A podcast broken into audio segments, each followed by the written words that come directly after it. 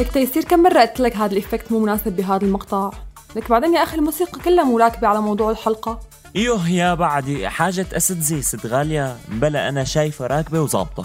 لا يا أخي مو ظابطة. اصطفل وخليها تطلع الحلقة شلون ما كان. لك طولي بالك ولا تعصبي. خلص رح أعملها مثل ما بدك.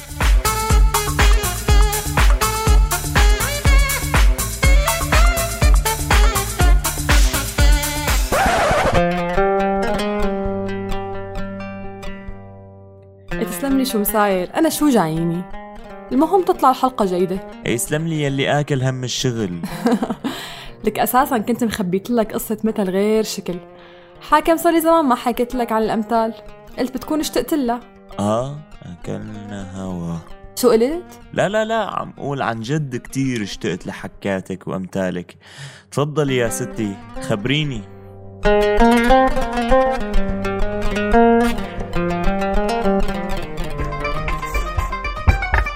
خليني خبرك. على هوا راديو سوريالي.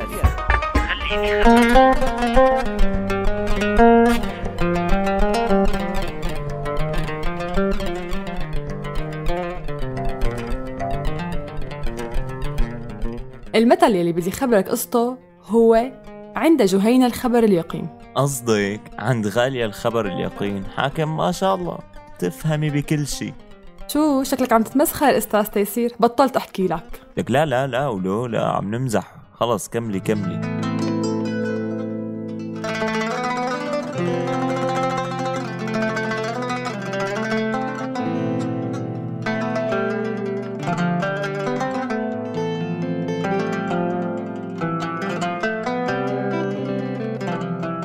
هذا يا سيدي القصة بتقول إنه كان في رجل يدعى الحسين بن عمرو بن معاوية.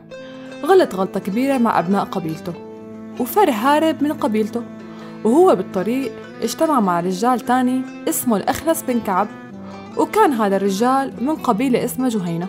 إيه التقوا هالاثنين واتفقوا وتعاهدوا انهم يشلحوا ويسرقوا اي حدا بيشوفوه بطريقهم.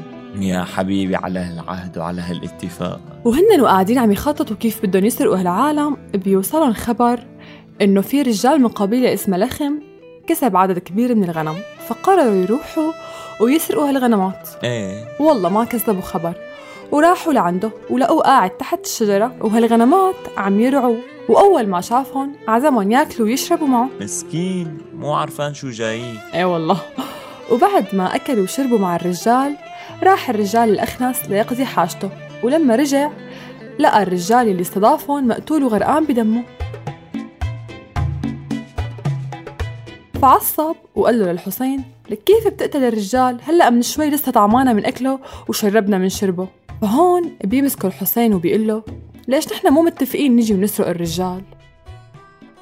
إيه وبعدين شو بيصير؟ والله يا تيسير ما رح تتخيل شو رح يصير. شو؟ بعد كل هالمواعظ والحكم بيقوم الأخنس يلي هو من قبيلة جهينة وبيقتل الحسين.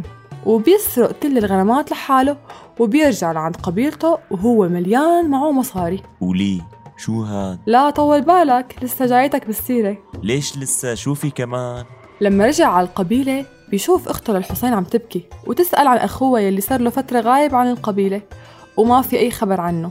فهون بجاوبها الأخنس ببيت من الشعر وبيقول لها كصخرة إذا تسأل في مراحي وفي جرم وعلمها ظنون. تساءلوا عن حسين كل ركب وعند جهينة الخبر اليقين.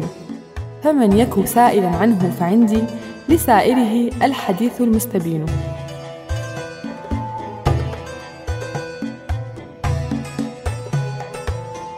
وبعد فترة لما تأكدوا إنه الأخنس هو يلي قتل الحسين مثل ما حكى ببيت الشعر صار هاد بيت الشعر يضرب فيه المثل لمعرفة صحة الأخبار ودقتها والله هالقصة بتخوف. هاي مكمل شغلي أحسن الشي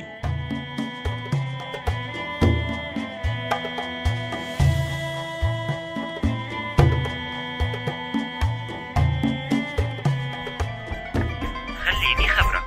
القصص اللي بتسمعوها مبنية على حكايات شعبية ممكن تختلف من منطقة لتانية ويمكن انتو بتعرفوا غير قصة. خليني خبرك. شاركونا قصتكم يلي بتعرفوها. خليني خبرك